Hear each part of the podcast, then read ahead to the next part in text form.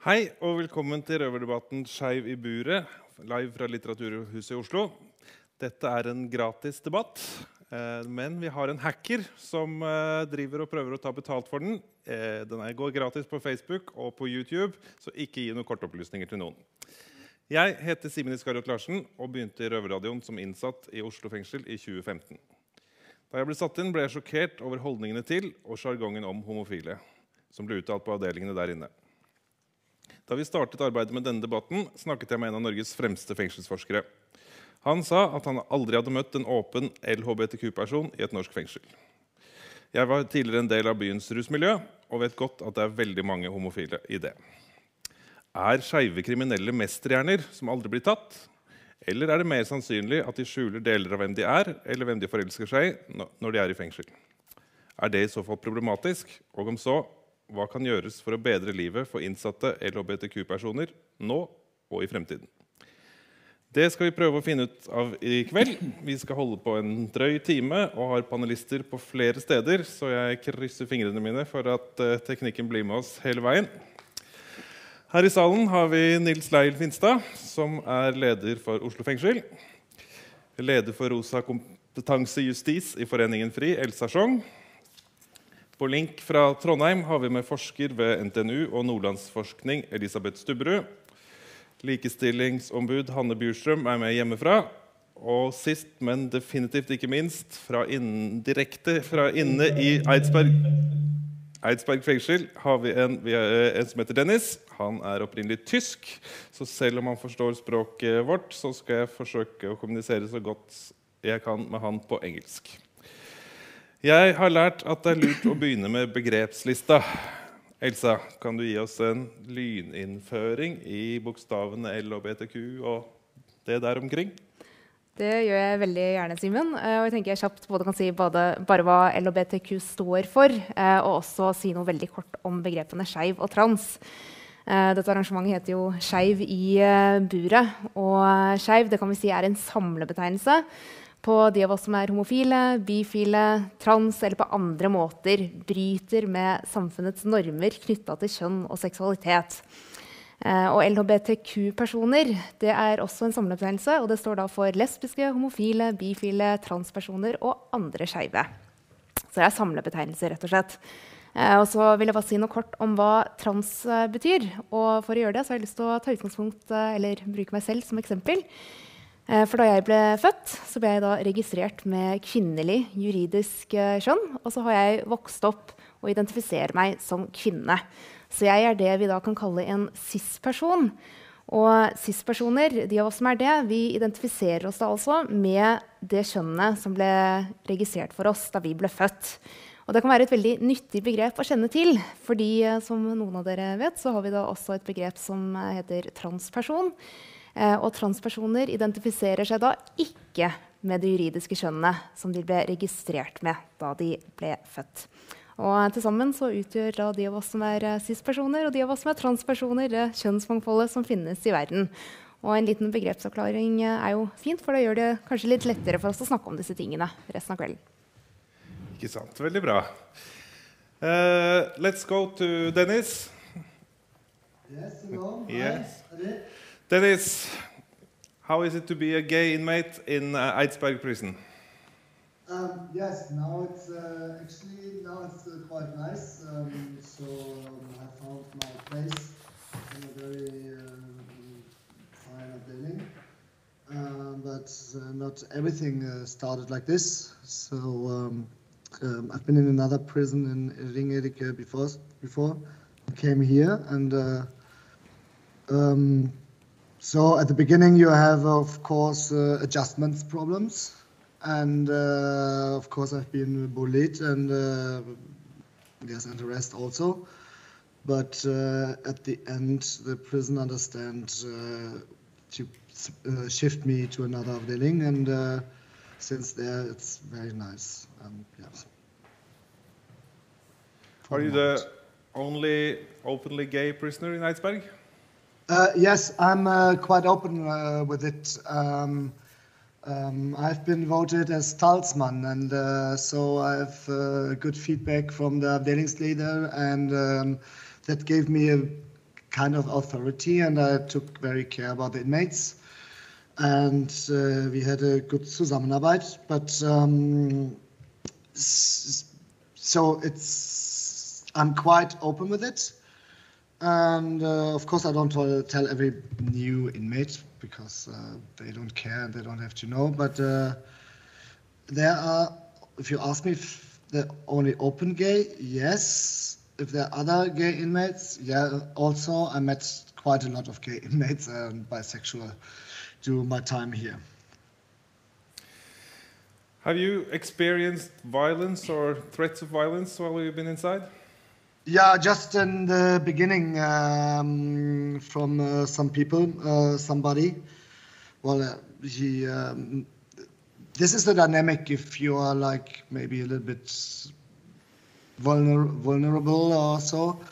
So that happens to slender people also that uh, they effeminate you or they make jokes and that's how it starts and it ended like that he kicked me and um, yes then it was the first time that i've been changed to another avdeling uh, unfortunately uh, we call it the polish floor.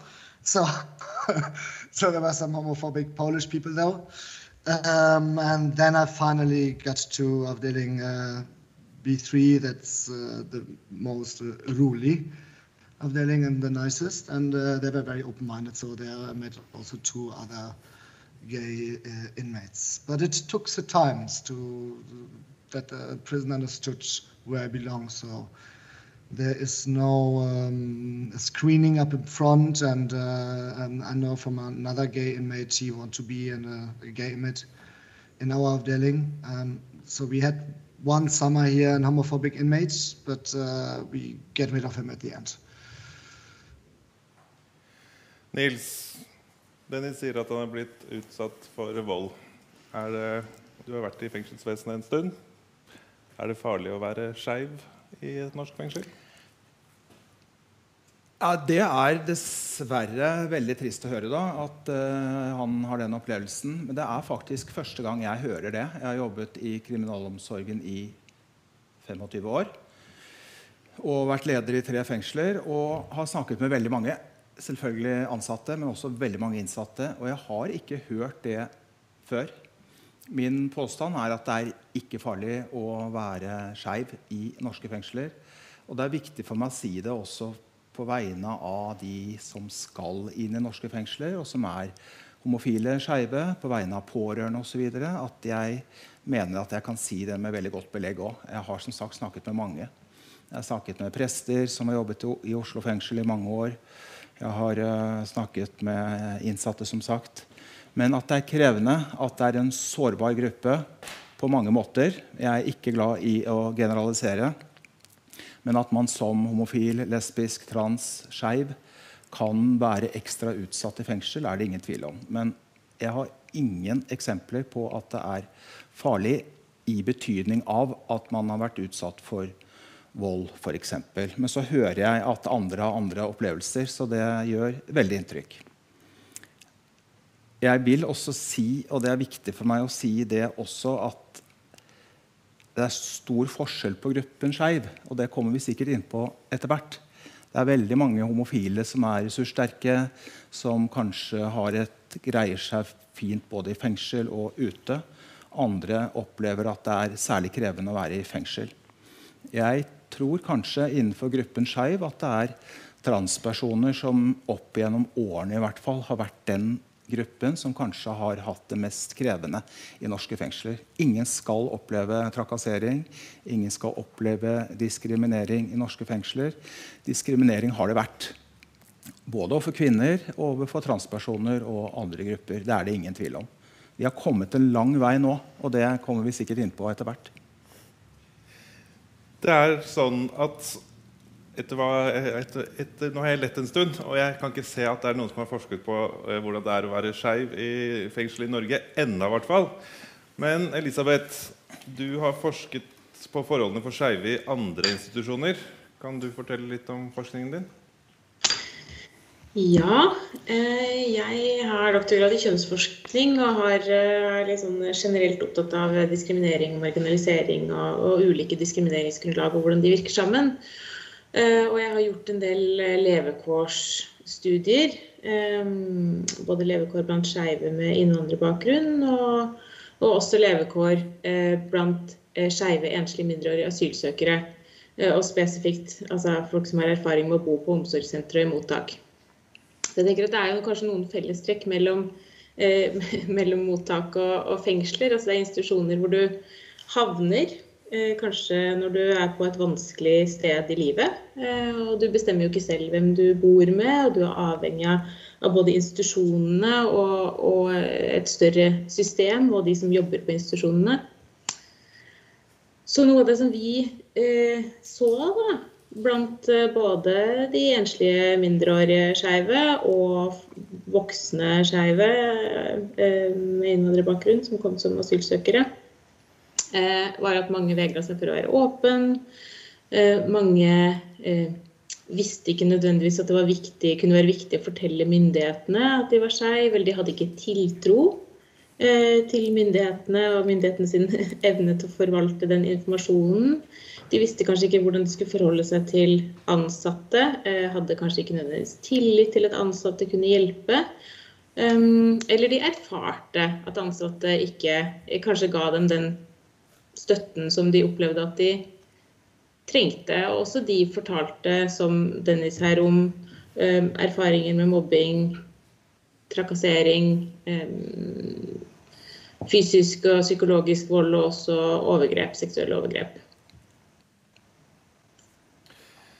Tror du det er grunnlag for å tro at det at det er mange fengselsinnsatte med bakgrunn Dennis nevnte jo Polen, men det er mange fra Øst-Europa fra andre steder i verden. At det liksom er en viktig faktor i holdningene til skeive?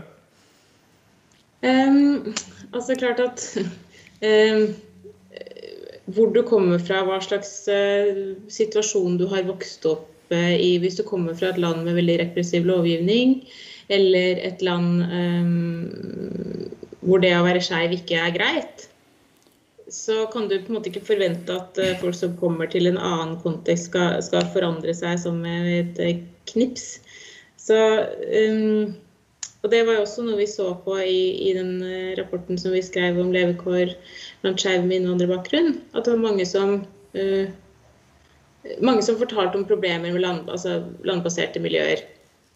Og da handler det om at folk har med seg noen noen holdninger. altså De er ikke skeive sjøl, de har aldri kjent på kroppen hvordan det er å bryte med normer for kjønn og seksualitet. Eh, og de har aldri vært i en situasjon hvor, hvor de holdningene eh, har kunnet få bli korrigert. Så det er noe litt sånn ureflektert kanskje i en del av den homofobien eh, og transfobien. Så ja. Og så tenker jeg liksom, det handler ikke kanskje så mye om de enkeltpersonene som, som ytrer seg på bestemte måter, som de systemene som de kommer fra. Det er jo masse folk i det landet her som sosiologiske forskere og masse forskjellig. Hvorfor har ingen forska på forholdene for skeive i fengsel? Er ikke det rart? Jo, det syns jeg er veldig rart. Så jeg er veldig glad for at dere tar opp uh, temaet i denne debatten, og at uh, kanskje det kan bli et uh, fokus på det. Jeg tenker at det, det, er vel kanskje litt sånn med, med kjønn og seksualitet at det, det er litt berøringsangst. det så vi jo for eksempel altså, ja, Det ser vi ganske bredt i samfunnet. Jeg så det, jeg har snakka med, med ansatte på omsorgssenter og mottak. Der er berøringsangst blant ansatte. Eh, både fordi man ikke kan det, men også fordi man kanskje er litt redd for å trå feil, redd for å snakke om kjønn og seksualitet på feil måter. Eh, og kanskje er det sånn blant forskere også. At man er rett og slett litt eh, bekymra for å, å, ta i temaet.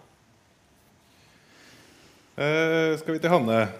Likestillings- og diskrimineringsombudet, som er deg og en liten gjeng til. Eh, dere lagde en rapport om utsatte grupper i fengslene i 2016. og Der er det også et stort fokus på at det mangler forskning. Hva slags forskning er det som bør gjøres, og hvorfor har den ikke blitt gjort ennå, tror du?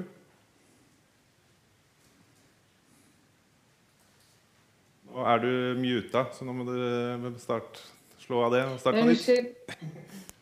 Takk for invitasjonen. Og eh, ja, altså det vi gjorde, var jo ikke forskning, det er helt riktig. Vi gjorde en undersøkelse hvor vi snakket med bl.a. representanter for kriminalomsorgen, fagforeninger, FRI eh, og andre organisasjoner på feltet. Og basert på det så fikk vi et inntrykk av på en måte hvordan situasjonen var. Og vårt inntrykk var nok ikke like godt som det eh, som du som fengselsdirektøren eh, eh, formidler. Vårt inntrykk var at, eh, at man følte seg utsatt og man følte seg utrygg. Og at det resulterte i at mange isolerte seg. Eh, sånn at man fikk en gruppe fanger som ble mer isolert enn andre. Og kanskje, som også programlederen var inne på, ikke, eh, ikke var, var, var åpen utad og derfor kanskje unngikk eh, å bli utsatt for, for, for hets, hat, trusler, men altså ikke fikk være seg sjæl. Um, så, så, det var nok den virkeligheten vi, vi, vi på noe spinkelt forskningsmessig grunnlag, for det var ikke forskning, men det var i hvert fall de historiene vi fikk. Hvorfor ikke forskning? Nei, det var noe av det vi også vi, vi konkluderte. Vi hadde fire anbefalinger på det kapitlet i denne rapporten. Og et av anbefalingene var jo nettopp at vi trenger mer kunnskap. Fordi dette mye kan tyde på at, at ikke man har det hele bildet. Fordi det er vanskelig å, å vise fram det hele bildet. Eh, det har vi ikke fått. Eh, vi har nå satt i gang det er en annen, fordi vi har fulgt opp denne rapporten, men veldig mye knytta til kvinner i fengsel. Så vi er i gang med nå et prosjekt for å se på eh, altså psykiske utfordringer for, for, for kvinner i fengsler. Vi har ikke hatt ressurser til også å ta denne gruppa. Men, men er god, denne, denne, debatten er et god påminnelse for oss for at vi også bør faktisk trykke på for å få mer forskning. Så har jeg veldig godt samarbeid med kriminalomsorgen, og de er så pressa økonomisk etter å ha fått redusert sine bevilgninger over så mange år. Så jeg kvier meg litt for å liksom kjefte på kriminalomsorgen for at de i hvert fall ikke finansierer denne forskningen. Men eh, vi burde i Norge kunne klare å finne midler til å få på plass forskningsprosjekt som øker kunnskapen på dette området. Nils, du skal få svare på direkte tiltale. Men Nei, vi bare, vi holder litt kort, for vi har masse vi skal gjennom. Jeg skal være kort. Nei, bare Jeg svarte på spørsmålet om det er farlig, og det mener jeg det ikke er. Men uh, når vi etter hvert skal nyansere, så vil også mitt bilde bli mye mer nyansert. Blant annet kan jeg si at jeg kan på en måte si at det kan være farlig i betydning nettopp av at man kan og ser en økt fare for økt uh, selvisolering blant f.eks. homofile. Fordi man går inn i en soning og tror at det er verre enn det er. Og det kan føre til en selvisolering som er veldig alvorlig, som vi jobber med. Og det i seg selv er farlig. Isolasjon er farlig. Bare så det er, er sagt. Men igjen Nei, det, mangler forskning, ja. Men det er veldig mange kilder til informasjon som gir et bilde som ikke er så aller verst. Men igjen, vi kommer tilbake til trans. Det er annerledes. Og for mange homofile er det krevende. Men bildet er også at for mange homofile innsatte f.eks. i Oslo fengsel opp gjennom årene så har det vært og er ganske bra. En liten ting til slutt. Husk på i kriminalomsorgen jeg tror Det er veldig viktig, det er en arbeidsplass med veldig mye fokus på mangfold. Vi er uh, veldig mange forskjellige mennesker som jobber der. Det, være, det er mange homofile, lesbiske ansatte f.eks. Vi som er det, bl.a. meg, er kanskje en ekstra god hva skal jeg si, kvalitetssikrer i forhold til det vi snakker om nå. Men at det er krevende, det vil jeg ikke bagatellisere. Det, det, er, det er viktig. I want to go back into Dennis and Iceberg to talk about like the language that is used between inmates in there. When I was a prisoner in Oslo five years ago, uh, tomorrow I, I was released. Uh, my fellow inmates often say, say said like they used gay as a, or homo as a, as a slur and said very bad things about uh, yeah gay people or who yeah sorry. Uh, what's the environment around you in everyday life? Maybe now you say you say it's pretty good, but how was it earlier? Yes, um, that's interesting. So um, now in Eidsberg, so I feel quite uh, very safe. Uh, that's not a question. and uh, so I'm more open-minded. And I got a lot of support from other inmates, especially from Norwegian inmates. If uh, somebody starts actually to to make homophobic comments, uh, like my Dutch uh, friends, they they don't allow this. So um, so I'm very lucky with this. And uh, I think also the betjent, uh, we have uh, also a lot of uh, gay and lesbiske betjenter. Um, so th- they really are nice and check that we are in a, in a good state. But um, this this started so um, the problem is they, they called me first princess and then also homo and uh, this was one guy he said to everybody like that i'm gay that was at the beginning. So like the half prison asked me if i'm gay and i really felt very very uncomfortable about this. And um, and, and this is how it starts. So um, if you're shy and um, you you don't bring this up and uh, i could then later do this and be more com- self-confident.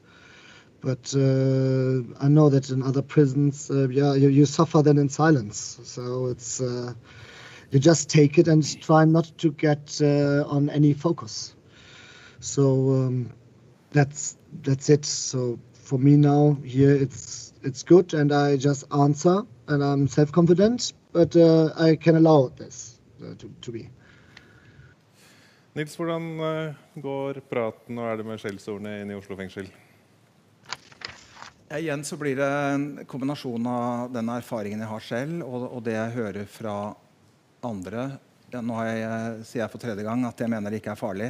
Det er ingen tvil om at det er en sjargong som, som i, i, et fengselsmiljø kan være veldig ugrei og veldig belastende for en del innsatte. Det er det ingen tvil om.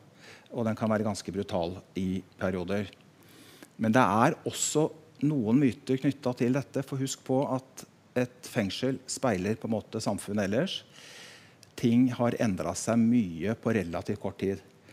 Så er det jo også sånn dessverre, at f.eks. homo er fortsatt et skjellsord i skolegårder i Norge. Så, så at det også er sjargong og, og, og, kanskje også en forsterkende effekt i et fengsel, det er det dessverre ingen tvil om. Og det forskerne er inne på, er selvfølgelig også veldig riktig og viktig, sånn som i Oslo fengsel, hvor det er eh, mennesker fra ca. 30-40 nasjoner til enhver tid. Noen kommer fra land hvor homofili er straffbart. Noen eh, kommer fra Oslo, som kanskje er den mest moderne byen i verden når det gjelder eh, skeive rettigheter, f.eks., så blir det en kultur som blir veldig, veldig eh, sammensatt. Det er ingen tvil om. Så er det mange som er skjulte. og Husk også på det at det er en menneskerettighet å ha et privatliv. Mange går inn i fengsel og ønsker ikke å, å, å være privat overhodet. Uavhengig av om det handler om legning eller om privatlivet ellers. Andre er åpne. Det gjelder ansatte òg. Det kommer litt på spissen i et fengsel. med Det er en helt spesiell institusjon, ulike roller osv. Men at det er en del det jeg vil kalle drittprat. Ingen tvil om det. Jeg tror ofte det er ubetenksomhet, litt fleip, litt alvor. Jeg tror ikke det ofte ligger så veldig mye vondt i det.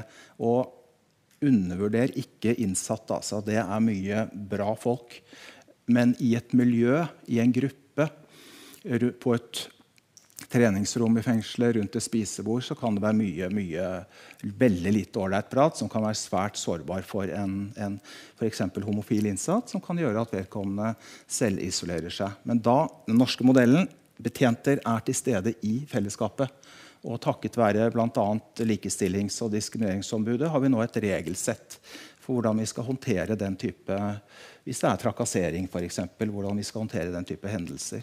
Transpersoner kommer jeg tilbake til. Det er også takket være rapporten fra Likestillings- og diskrimineringsombudet i stor grad så er det blitt veldig annerledes. Og der har vi noen fine historier fra Oslo fengsel. Du har også vært leder for Bredtvets kvinnefengsel i mange år. Er språket og holdningene til de av oss som er, som er skeive, annerledes der?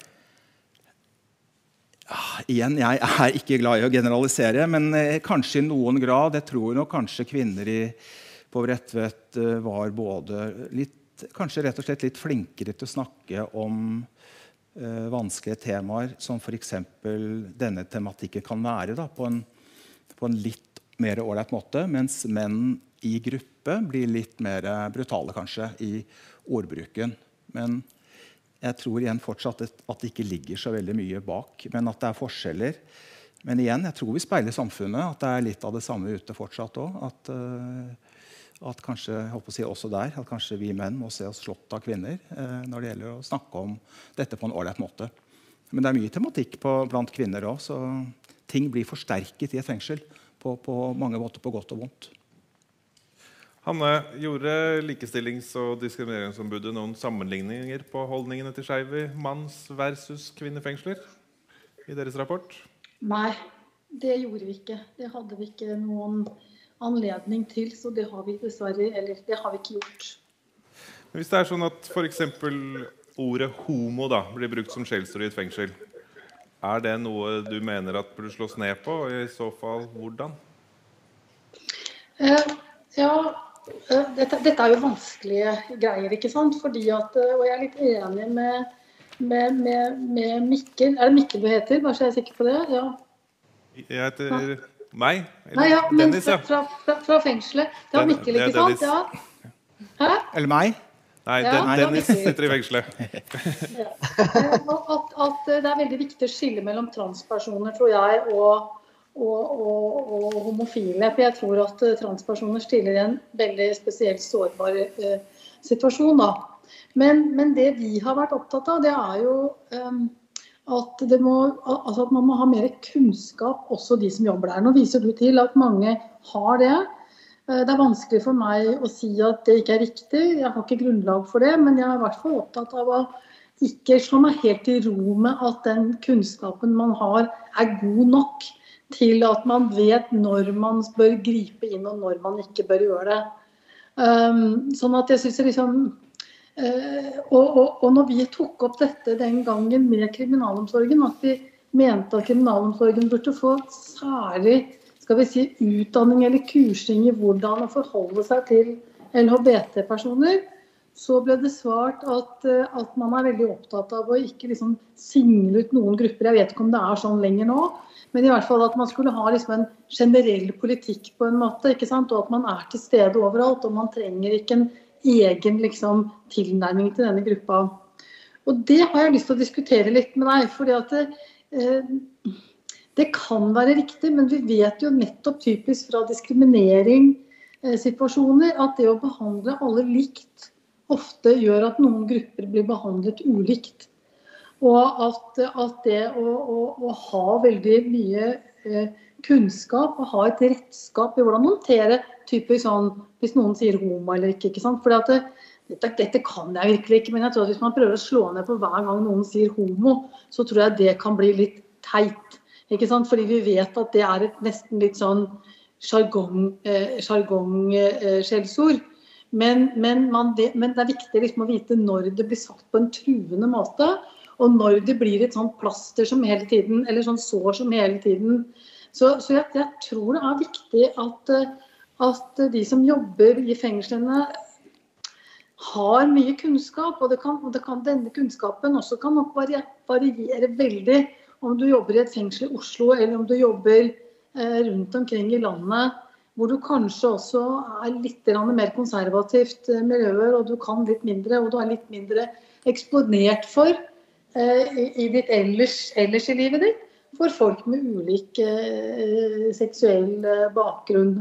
Sånn at eh, jeg, vi, jeg, kommer tilbake til dette at vi mener at vi trenger mer kunnskap og mer utdanning rundt dette blant de som jobber i fengslene.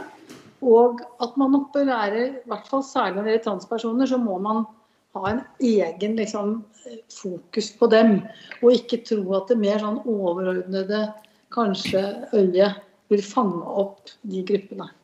Det, det sier jeg ut fra et ikke så veldig solid kunnskaps... Jeg, jeg, har ikke forsket på dette i moderne tid, men det stemmer i hvert fall med mye teori rundt diskriminering som vi ser på andre områder. Da. Vi kommer tilbake til uh, disse spørsmålene etter hvert. Nils, du ville kommentere? Ja, bare kort, for at dette er viktig. Og jeg, eh, jeg skal absolutt være bevisst at jeg er leder i Oslo fengsel, som jeg faktisk tror er et ganske moderne fengsel. Og så ligger det i Oslo i, i, Norge, så det kan være store forskjeller ikke bare i, i, verden, men også i Norge. Men i Oslo fengsel jobber vi helt bevisst med noe av det eh, Likestillingsombudet tar opp nå, knytta til at innsatte skal vite at i Oslo fengsel skal du kunne snakke om alt.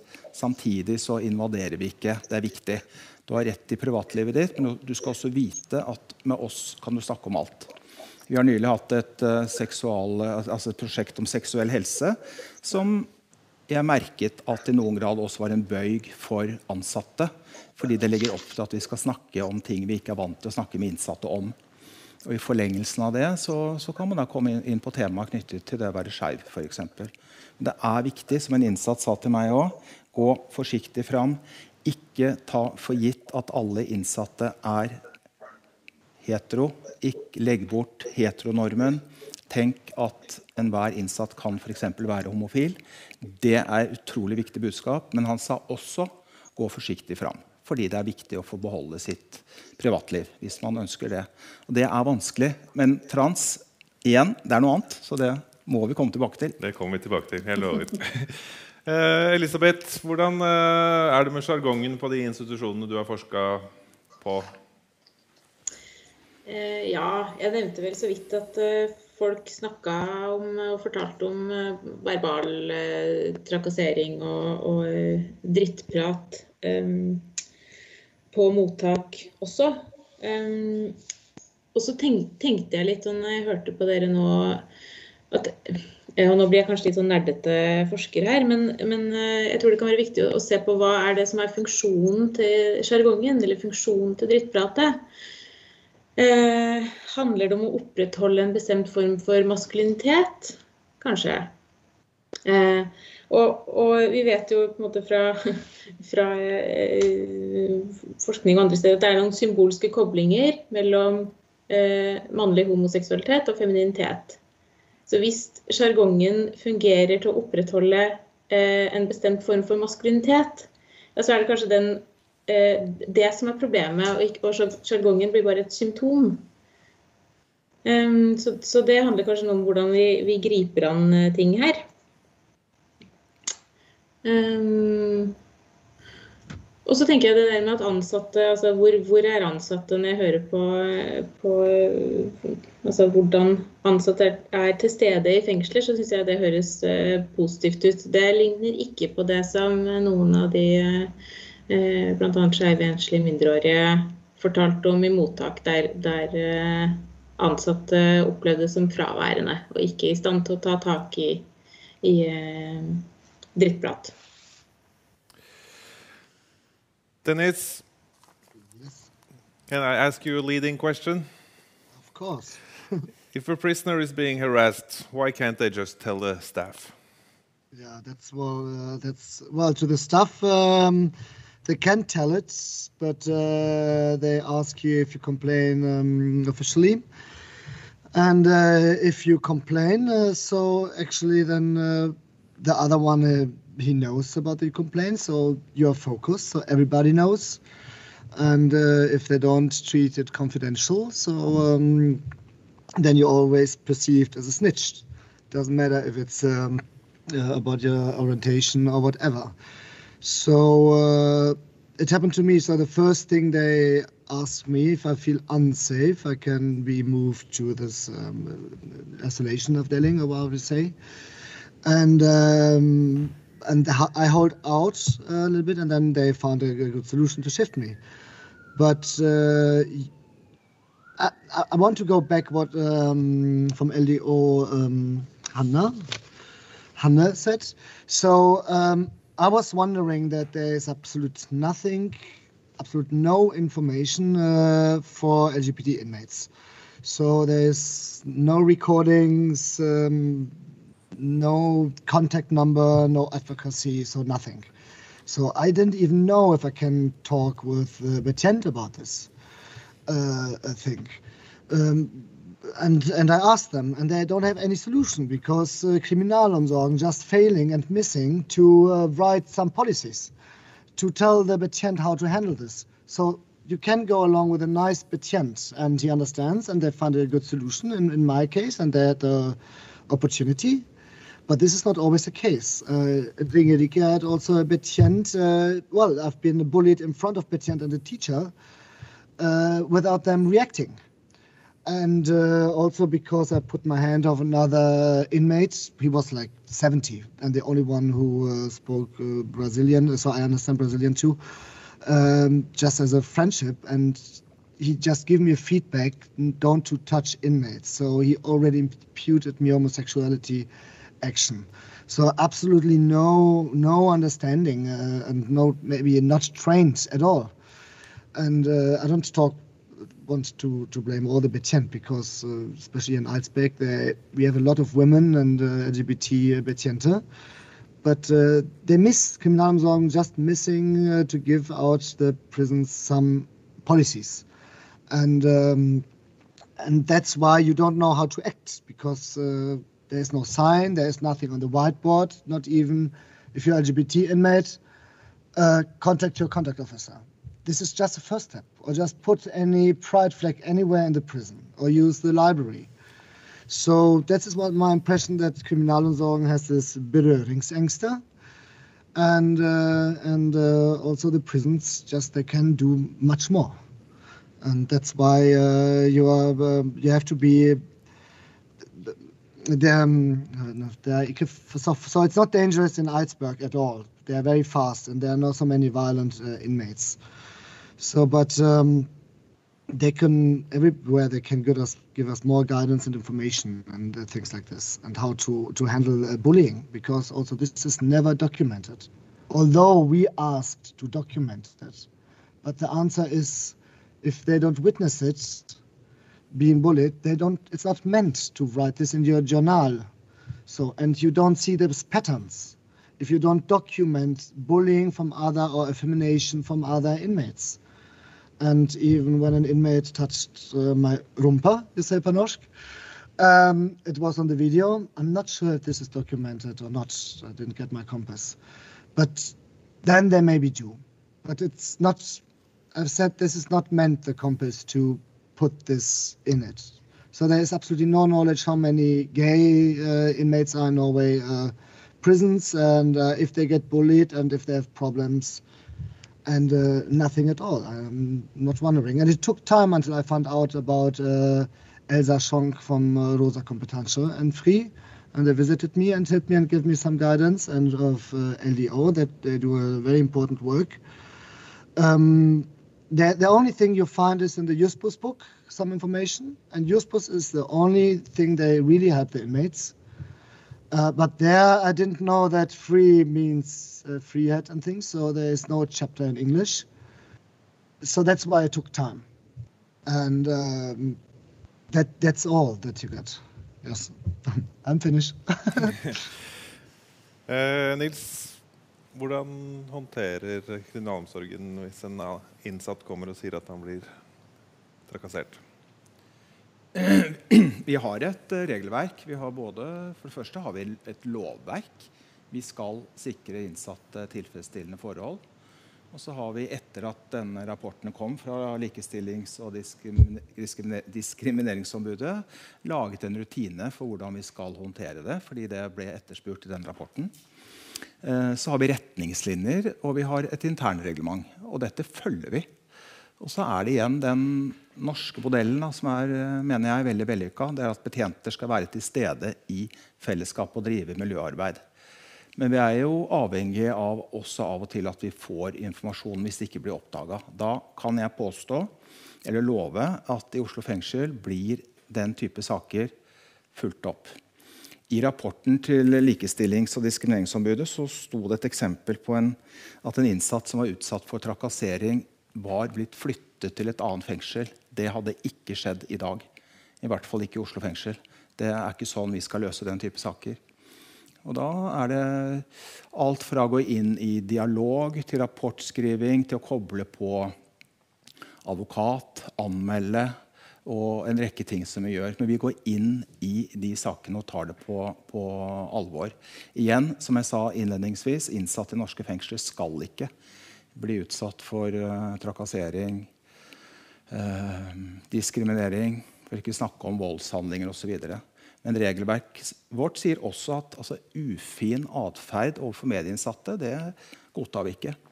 Og så er det som, eh, som eh, ombudet sa, at det er ikke alt de kan slå ned på. Selvfølgelig ikke. Men, men eh, vi har eh, lite aksept i Oslo fengsel håper jeg stemmer. Jeg har ikke hele bildet, fordi jeg har den rollen jeg har. Jeg har ikke jobbet her så lenge, men vi har lite aksept for det. Og jeg opplever både på Bredtvet og i Oslo at store bildet da, er at innsatte er ålreite og får hverandre og vil hverandre vel. Men når det skjer sånn som vi hører nå, så skal vi følge det opp. Det er ingen tvil om det. Både etter lovverket og sånn vi ønsker å være som fengsel. Og så glipper det helt sikkert av og til, så vi har en vei å gå. Det er det ingen tvil om.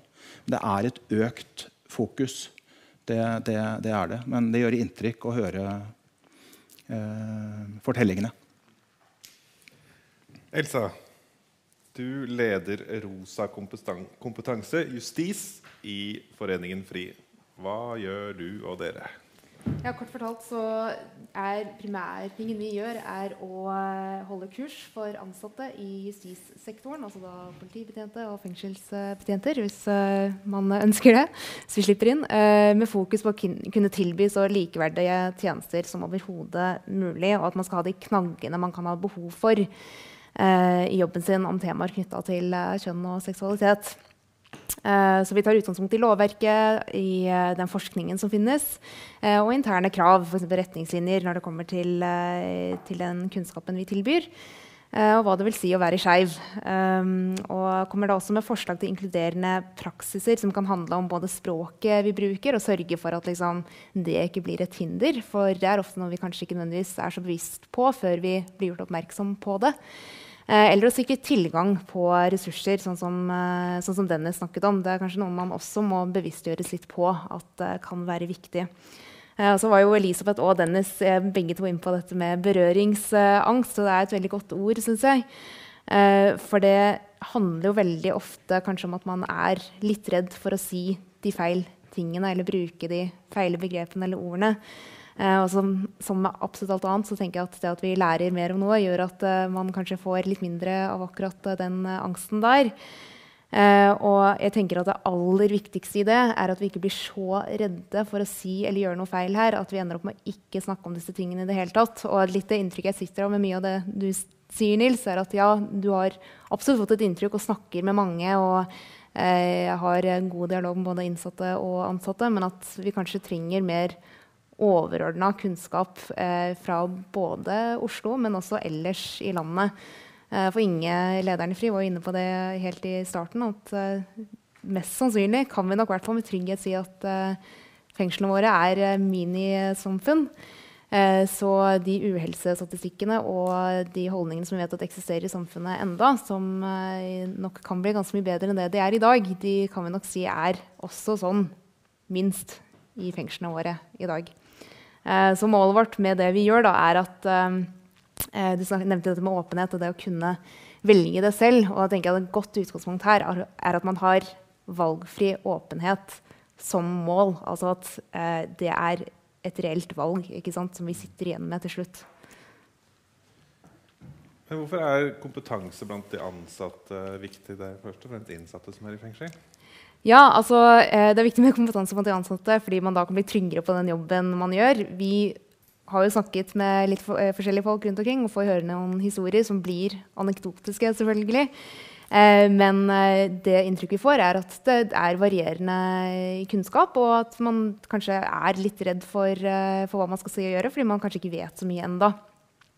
Så det at man blir tryggere på disse temaene, tror jeg også at man blir tryggere på at man kan sikre den der likeverdige soningen. som jeg nevnte, Og at man også kan få et så godt arbeidsmiljø som mulig for de ansatte. For er jo, altså, arbeidsplassen er jo også mangfoldig, og hvordan vi, vi behandler hverandre som, som, ansatte og kollegaer, speiler jo også hvordan vi behandler de andre personene som vi jobber med.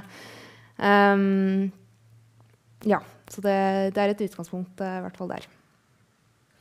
Elisabeth, du var så vidt innpå det, men vil du utdype noe om relasjonene ansatt uh, beboer de, der hvor du har forsket?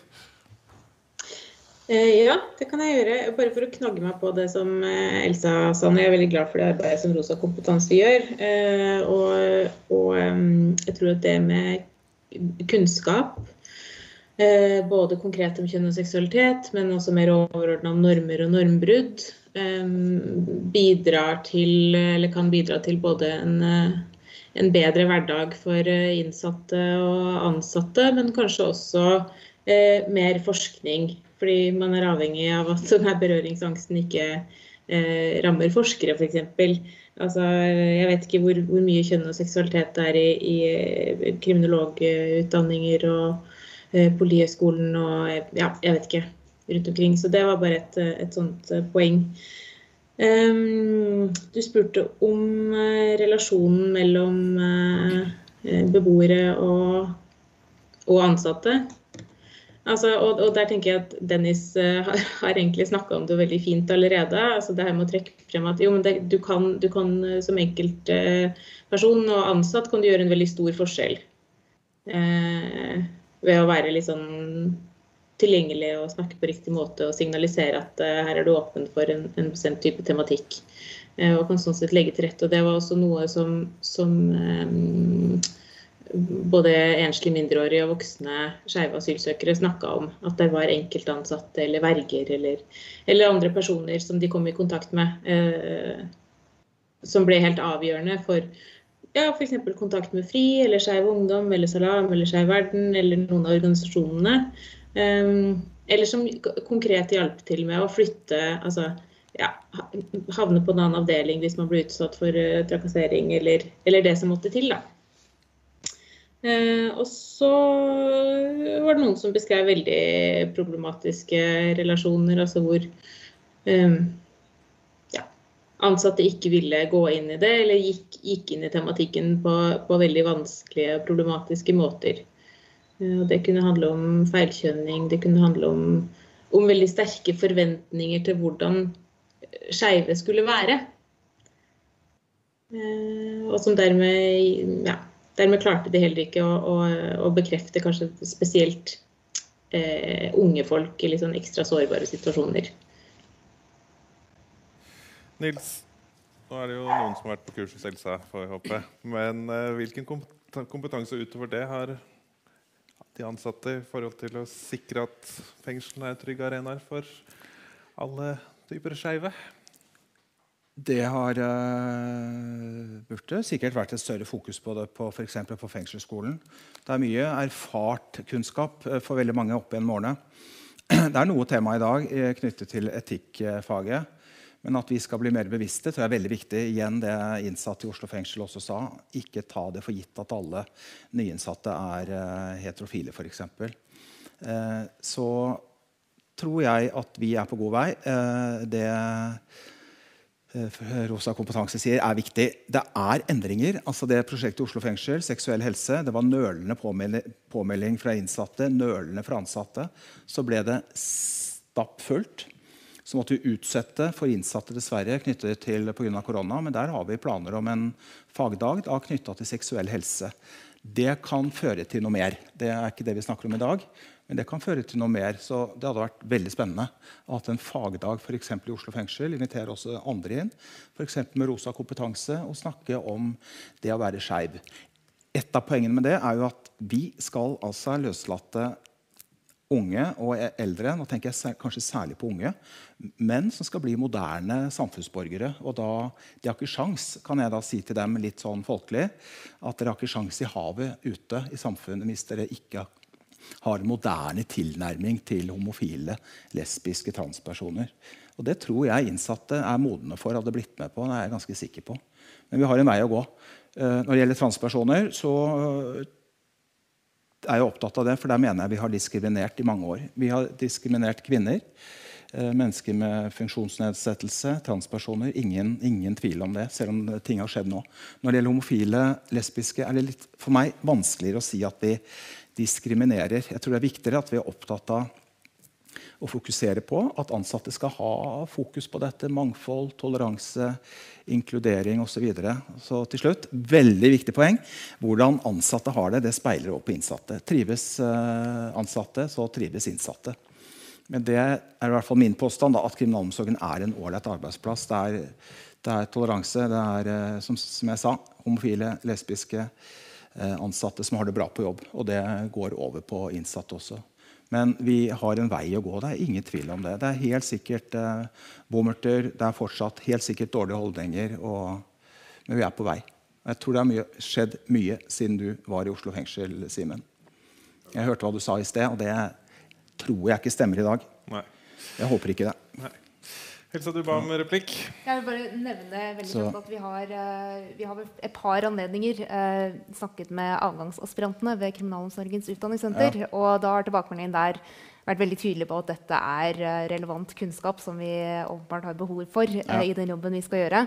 Eh, så det er veldig fint at vi får møtt eh, de aspirantene før de ja. skal begynne i jobb. Og så tenker jeg at det er veldig mange ansatte der ute som eh, kanskje var ferdige for lenge siden, og at kunnskap jo er ferskvare, så det er fint å få noen oppdateringer på det.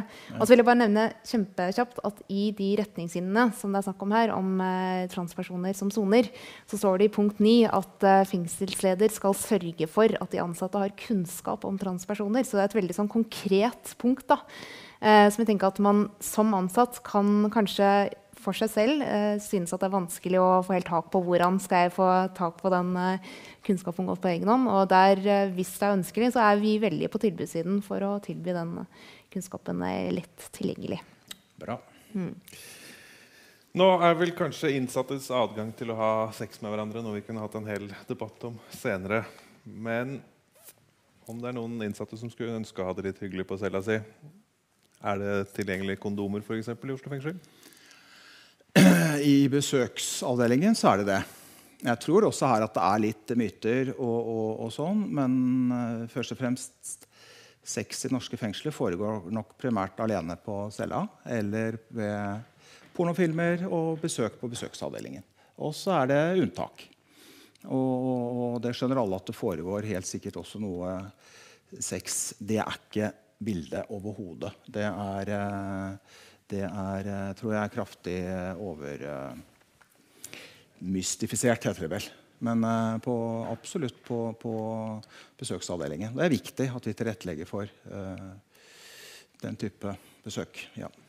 Dennis, does sex happen in uh, outside the besøksrom? so I don't want to risk to get a report. No. But uh, what I can say is that, uh, of course, there are romantic uh, relationships and uh, and uh, things like this. And um, I've heard of this uh, also here. I don't know if it was a rumor. Um, I was also in love with somebody for a while, um, but you know this thing. You are absolutely supervised, so there are cameras, and you cannot close the door and so there is actually not really space for privacy. And uh, if they do something, they have just to take a spontaneous opportunity, uh, which also always uh, hires the risk of, uh, of infectious diseases. Um, it's, it's not seen. If so, I got a condom out of the besöksavdelning. They had it there, and lubricant. Uh, they found it in my room. I got a report without consequences, but um, uh, I had to explain myself. I've been told that they don't want condoms in the prison because people use it to uh, bring uh, drugs or something. I think this is uh, made up because they can just use gloves or if it comes in, that comes in their own ways. And uh, so condoms are not allowed from the Helse. I get denied since two years to get a condom and uh, prep core uh, also have been denied. They don't get this. So actually, you can't. If you do this illegal thing and have sex with another inmate, you cannot protect yourself. So that's that's the situation now in, in, in Norway in the prisons. I don't know how it looks in other prisons if you get a condom, but uh, and I don't know if inmates can ask the prison if they want to have some uh, romantic uh, minutes in the besöksavdeling and uh, ask the prison guards to get this. Uh, maybe they feel uncomfortable. I don't know if it's possible. But uh, so far to the condoms and how to get this. Nils, det må være veldig kort. for nå, er, det er, det det er en litt annen debatt. Det er liksom seksuell helse. Jeg er opptatt av i dag å liksom presentere mitt syn i forhold til litt det store bildet. Men at det er unntak, at det også fins overgrep osv., det har jeg konkrete eksempler på. Det er også en del av, av, av fengselshverdagen. Men det er ikke det store bildet sånn jeg opplever det. Vi skal bevege oss inn i begynner tiden å løpe litt fra oss, så vi skal bevege oss inn i, inn i trans, transverden. Holdt jeg på å si. Eh, dette er jo et sted hvor ikke alle kan alt språket. Eh, og dere må tilgi meg hvis jeg sier noe, noe feil. Men det kommer vel både, både på manns- og kvinnefengsler eh, transfolk og kanskje også folk som ikke føler seg hjemme i tokjønnsnormen. Hvordan forholder kriminalomsorgen seg til det? Her er det mye lettere for meg å være veldig klar på at her har vi hatt altfor dårlig kunnskap og håndtert det altfor dårlig. Det er det ingen tvil om. Eh, Så kom denne rapporten igjen fra Likestillings- og diskrimineringsombudet. Den førte til retningslinjer. Så jeg opplever nå at vi håndterer det bra. Og det er helt riktig, punkt 9. Jeg har et kjempeansvar både for å sørge for at ansatte har kunnskap eh, om transpersoner, for det er, det er mange begrep, bl.a. Og ikke minst holdninger, et åpent sinn, og at vi følger retningslinjer. For de er blitt kjempegode, og vi bruker dem. I 2007 så det, var det, en, det har vært mange opp gjennom årene transpersoner i Oslo fengsel. Prestene som har jobbet der i veldig mange år, og mange andre opplever at de er behandla godt. Men at mange også har vært utsatt hos medinnsatte. Mye blikk, dårlige bemerkninger og hatt det krevende. Han som var der, hun, hen, i 2007, da sier de som jobbet der den gang, at vi turte ikke, vi turte ikke å snakke med henne engang. Eh, så hadde vi en på, i Bre- Bredtvet for fire-fem år siden hvor vi heller ikke helt visste hva vi skulle gjøre. Som da hadde et eh, kvinnelig kjønnsuttrykk, identitet, mannlige kjønnsorganer. Og eh, hvordan håndterer vi det? Det hadde aldri skjedd i dag. Vi vet hva vi skal gjøre. Og siste, tredje eksempelet, vi hadde en nå nylig som jeg syns er en historie jeg er ganske stolt av. Hvor det da er, er ansatte i Oslo fengsel som tar initiativ til at, initiativ til, til at vedkommende skal Kanskje du rett og slett burde sone på Bredtvet isteden. Det, det viser at vi har kommet en vei. Og det er igjen Likestillings- og diskrimineringsombudet som pekte veldig på det. Og jeg er opptatt av det fordi jeg mener at dette har vært diskriminering. Det er fortsatt vanskelig utrolig vanskelig tematikk, og det gjelder ikke så mange. Og det gjør kanskje enda mer at jeg er opptatt av det, for det er så få. Eh, De få vi snakker om, tror jeg har vært dårlig behandla. Jeg tror vi har kommet en lang vei. Det at vi nå, før, ikke sant, De tenkte bare du skal i kvinnefengsel, du skal i mannsfengsel. Det, vi, ikke, vi tenker ikke utover det. Nå tenker vi annerledes, og, og ikke minst at vedkommende selv har en stemme. Eh, hvor skal du sone? Og vi legger da vekt på kjønnsidentitet, egen opplevelse av det. Så, så der har vi kommet en lang vei, og det, det syns jeg er bra.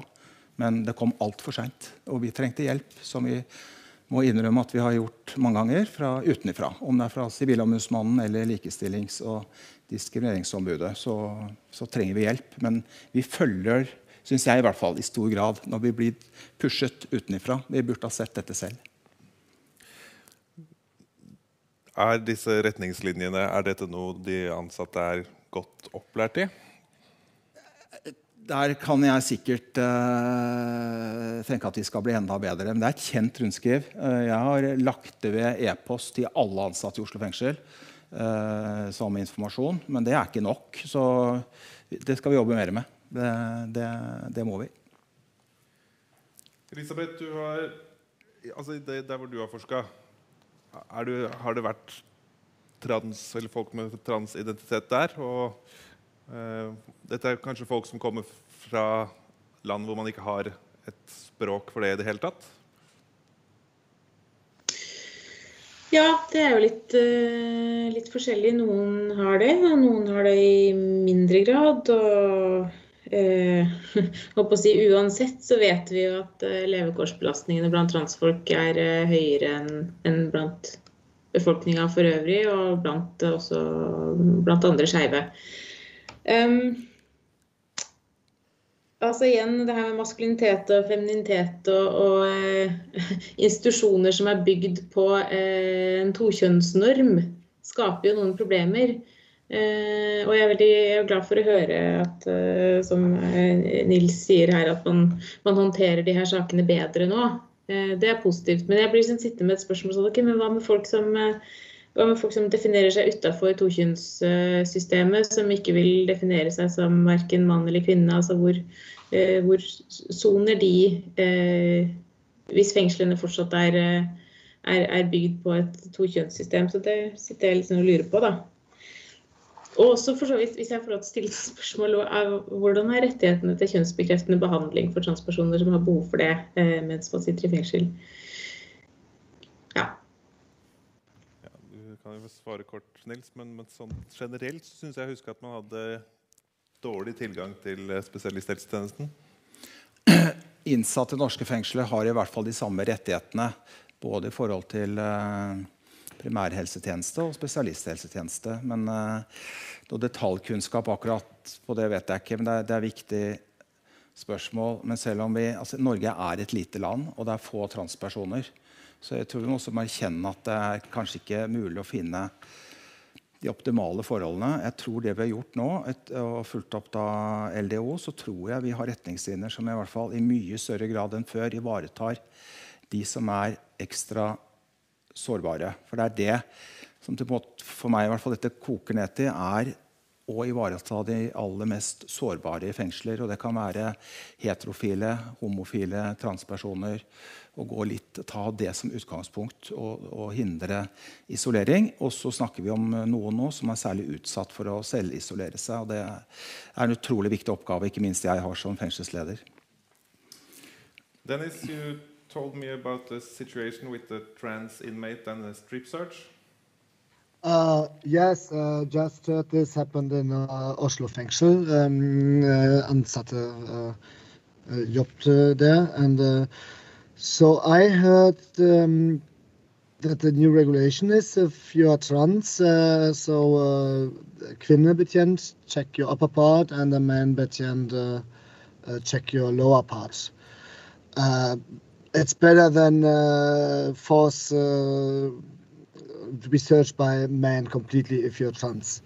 But I think it's not optimum. And uh, I think at all this all search things, which is actually always humiliating and uh, um, not so nice uh, for everybody. It, the solution would be just be ask there which identity of the officer you would like to be searched.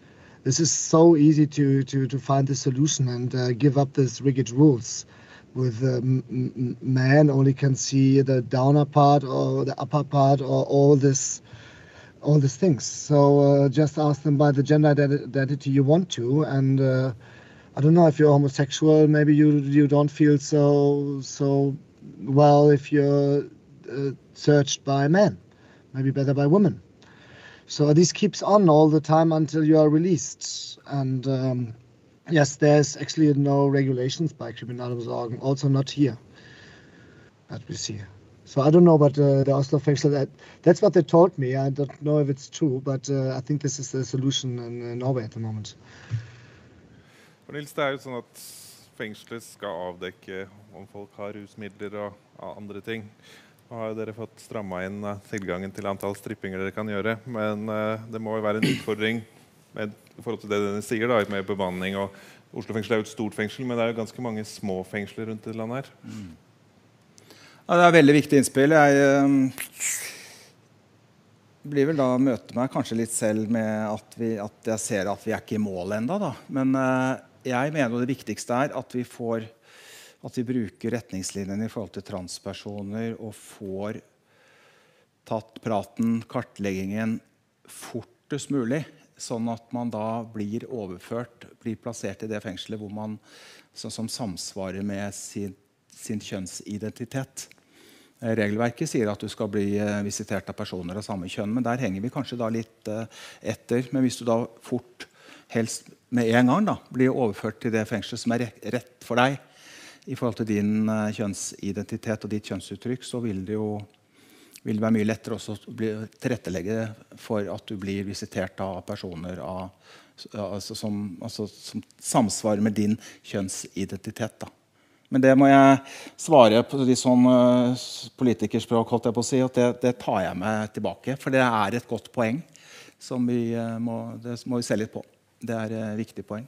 Jeg tror den aller beste løsningen er å bli, få overført innsatte til rett fengsel fortest mulig. Elsa, du vil kommentere kjapt? Ja, men, eh, kjapt kommentar altså, jeg, si jeg, er veldig glad for at uh, de retningslinjene har kommet eh, på plass. Og syns at de overordna er veldig gode. Men, eh, og du kan de helt sikkert på rams, så det kan ikke jeg. Men jeg husker å sitte igjen litt med en følelse etter å ha lest gjennom dem, at det kanskje i større grad kunne vært rom for at den innsatte skulle bli hørt på de ulike punktene. For det opplever kanskje ikke jeg at kommer så uttrykkelig fram, og kanskje er noe man i opplæring av dem burde eller kunne tydeliggjort mer da, for, å, for å kartlegge de individuelle behovene mer. Ja, og det er bortsett fra akkurat på kjønnsidentitet, din opplevelse, hvor du vil sone, der har du en tung stemme. Og det siste tilfellet nå i Oslo fengsel var det mange samtaler med vedkommende. Men på det andre nå i forhold til visitering osv. Så, så Men jeg er enig. Vi bør uh, høre mer. Det er viktig. Hanne, i rapporten deres så står det, om, uh, står det om kvinnefengsler. Uh, og det at kvinnene er mye færre enn menn, ikke er noe godt argument for at de får færre tilbud. Som Nils sier, så er jo transfolk antageligvis en enda mye mindre gruppe. Hva bør fengslene gjøre for å ivareta de av oss som er trans? Må du unmute deg igjen? Må slutte med det hele tiden. Eh, takk for det spørsmålet. for Jeg hadde lyst til å kommentere akkurat det. fordi jeg er veldig glad eh, Nils, for at du kan si at, eh, at, at, at vår rapport gjorde at dere endret retningslinjen. Det så vi også, og vi var veldig glad for det. Men jeg tror nok at det er viktig å erkjenne et par ting. Og Det første er at vi vet fra undersøkelser i samfunnet at transpersoner er noe av den gruppa i Norge som har dårligst levekår på, på psykisk og fysisk, og altså store psykiske utfordringer ved, ved det, hvordan samfunnet møter dem. Eh, og, og, jeg vil tenke meg at hvis du da også er i fengsel i tillegg, så har du en utrolig tilleggsbelastning. Og så har du helt rett i at det er veldig få.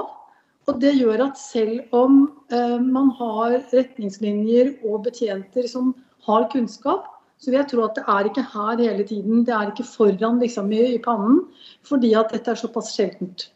Og så tror jeg at, at, at, den jobben du gjør, den virker utrolig solid og ordentlig.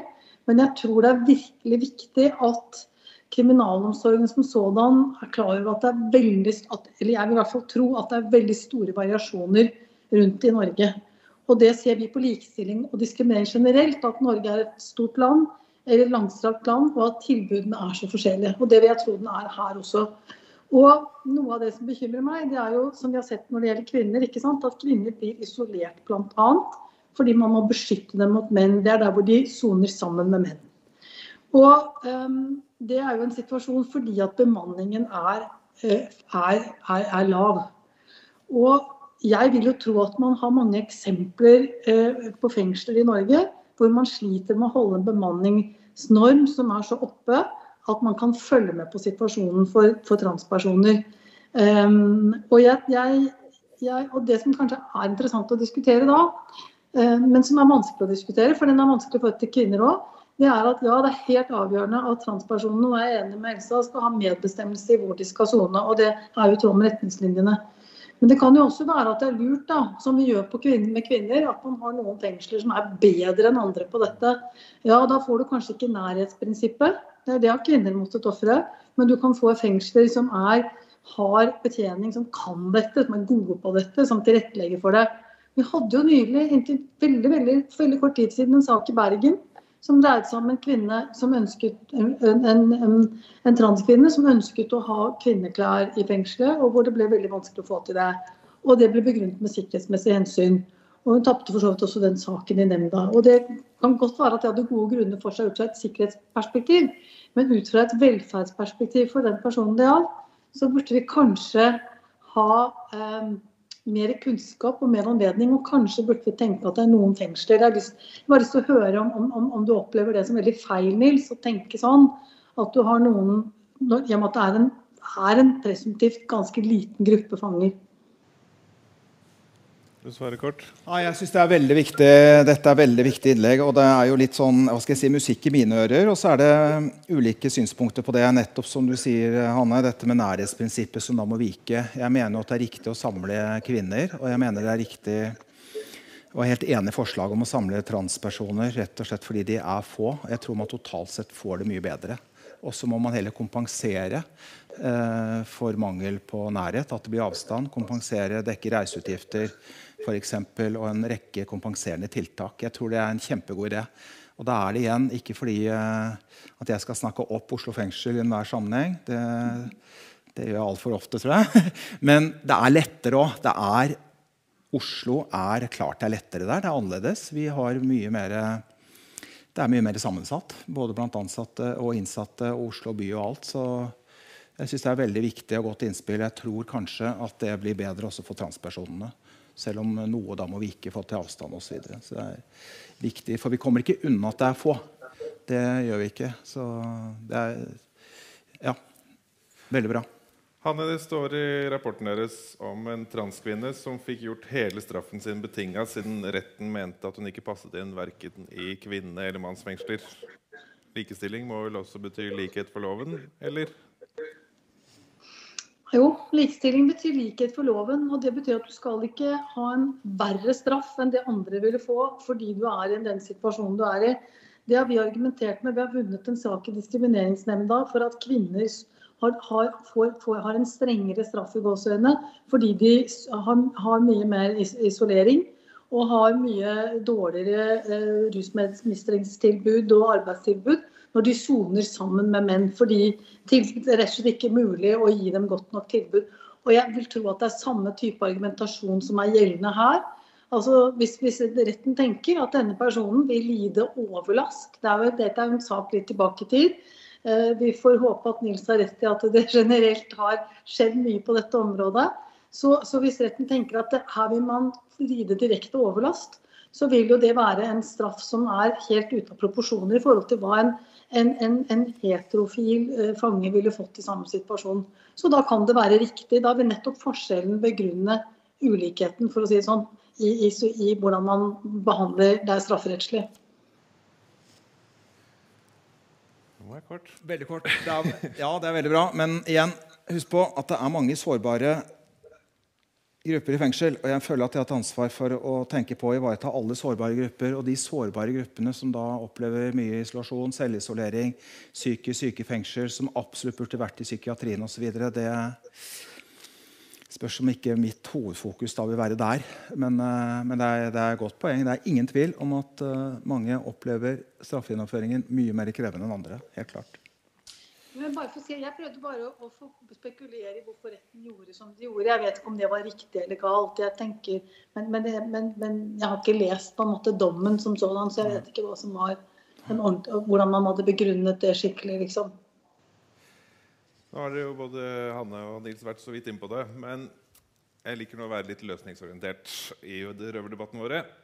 Sett nå at man gjorde det sånn at man ikke bare hadde kjønnsdelte avdelinger, men kunne også ha et tilbud om å sone på tvers av kjønnene, eller uten å ta kjønn med i beregninga. Det måtte selvfølgelig vært frivillig, og man måtte gjort en vurdering på hvem som kunne passet inn. Både i forhold til domshistorikk og kanskje også soningshistorie.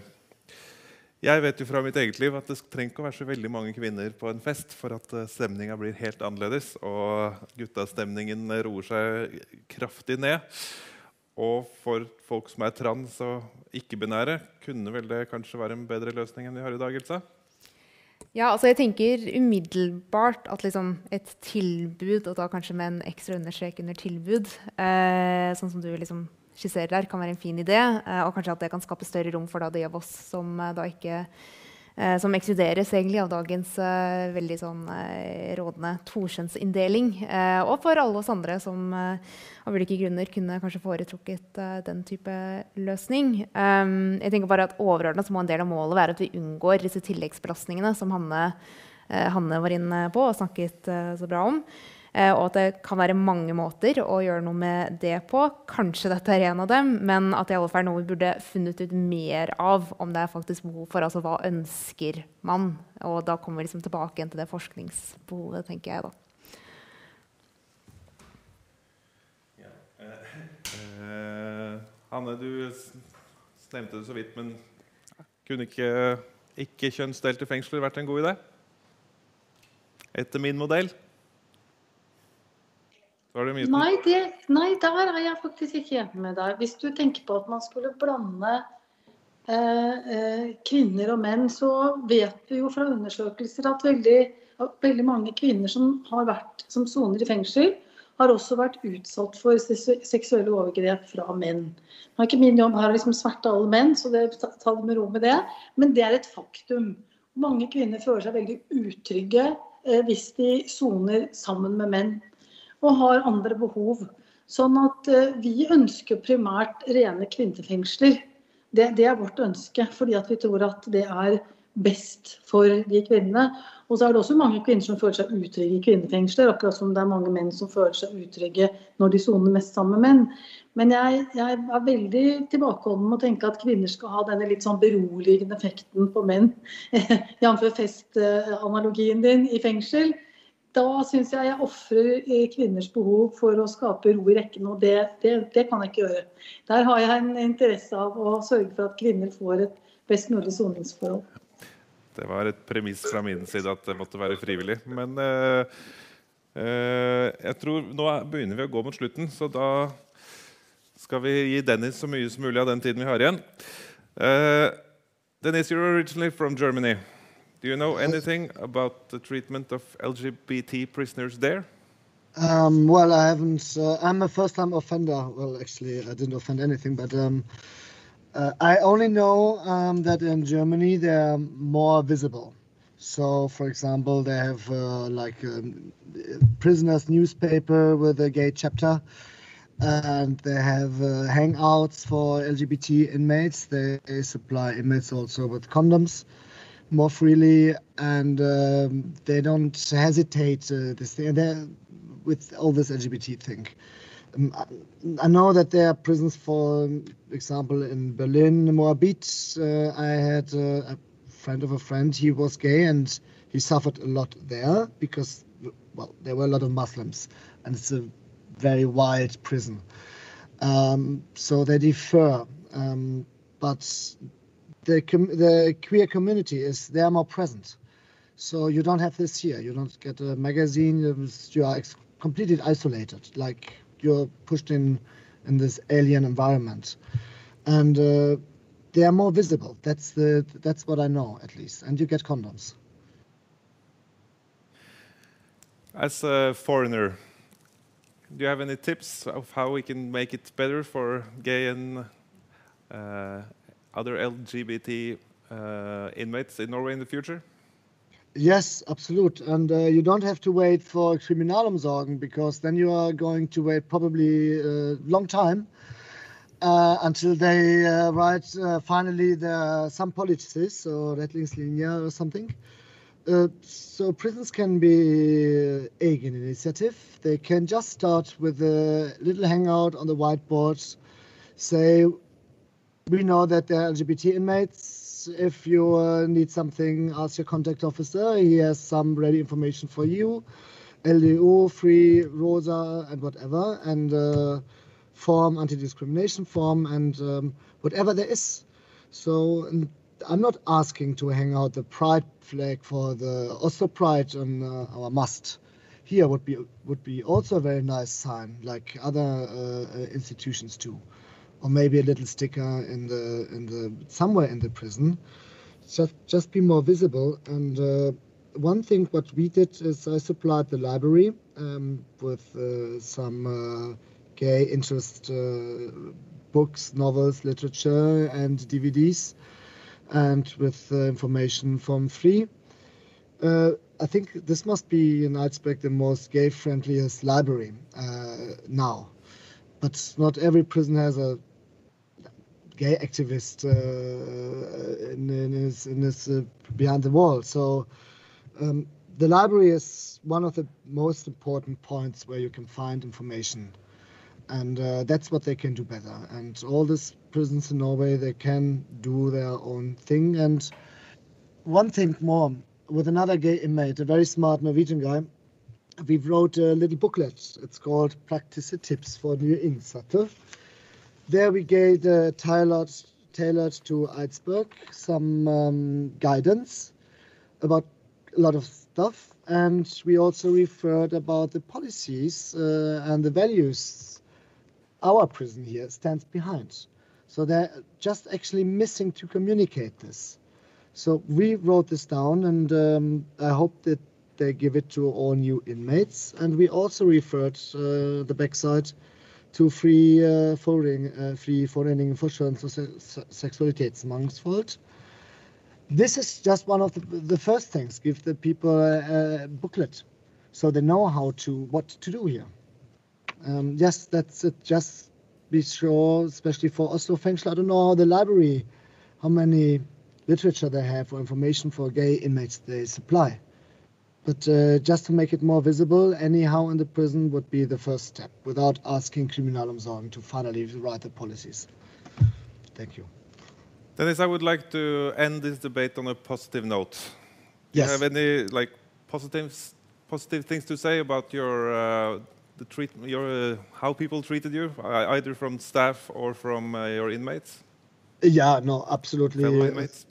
Yes, no, the inmates are very nice. Um, uh, we, we have, I think, a very well selected inmates here in Alsberg. And um, so the the staff is also really very nice. So everybody who's gay and uh, uh, inmate, uh, prisoner, uh, should uh, go to Alsberg. So that's what I can recommend. I know it's somewhere else it's not so nice. At least I'm here. The library has information, and um, Iceberg can do better, of course, and has a potential to become a role model. But uh, yes, I got the support from uh, from the prison guards and also from the Fritids leader, and um that's to start with it. So uh, I hope they we can do more. But um yes, that's it. So that's actually okay here, not everywhere in Norway. Nils, du fortalte, fortalte meg om en raus innsatt i Oslo fengsel. Har du lyst til å dele det med oss helt til slutt? Ja, da tror jeg jeg vet hva du tenker på. Det synes jeg er et godt eksempel på at det er eh, Ja, hva sa jeg i sted? Eh, Undervurderer verken innsatte eller eh, ansatte. Det er mye bra folk i et fengsel. Det er veldig privat, og det skal det fortsatt være. Men som sagt, vi skal kunne snakke om alt.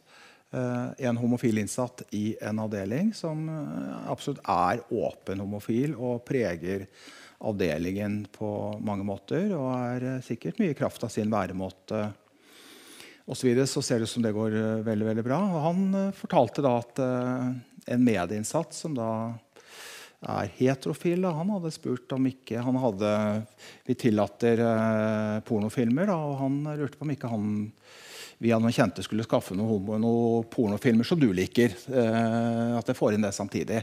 Men på så ørlite bilde på at det er eh, mye ivaretagelse. Og det syns jeg også Dennis bekrefter. At det er, jeg er opptatt av det. At det store bildet er det er ikke så aller verst. Og så er det en del enkelttilfeller som vi skal eh, fortsette å slå ned på. For det godtas ikke. Det skal være toleranse, mangfold, raushet og alt dette her. Men det store bildet er ganske ålreit. Altså. Og hvis dere hadde opplevd den siste transpersonen i hvert fall jeg kjenner til i Oslo fengsel, hvordan vi begynte med på en måte, hvordan vedkommende hadde en progresjon og, og, og, og endte opp på en vanlig avdeling før vi prøvde, jobbet for Bredtvet.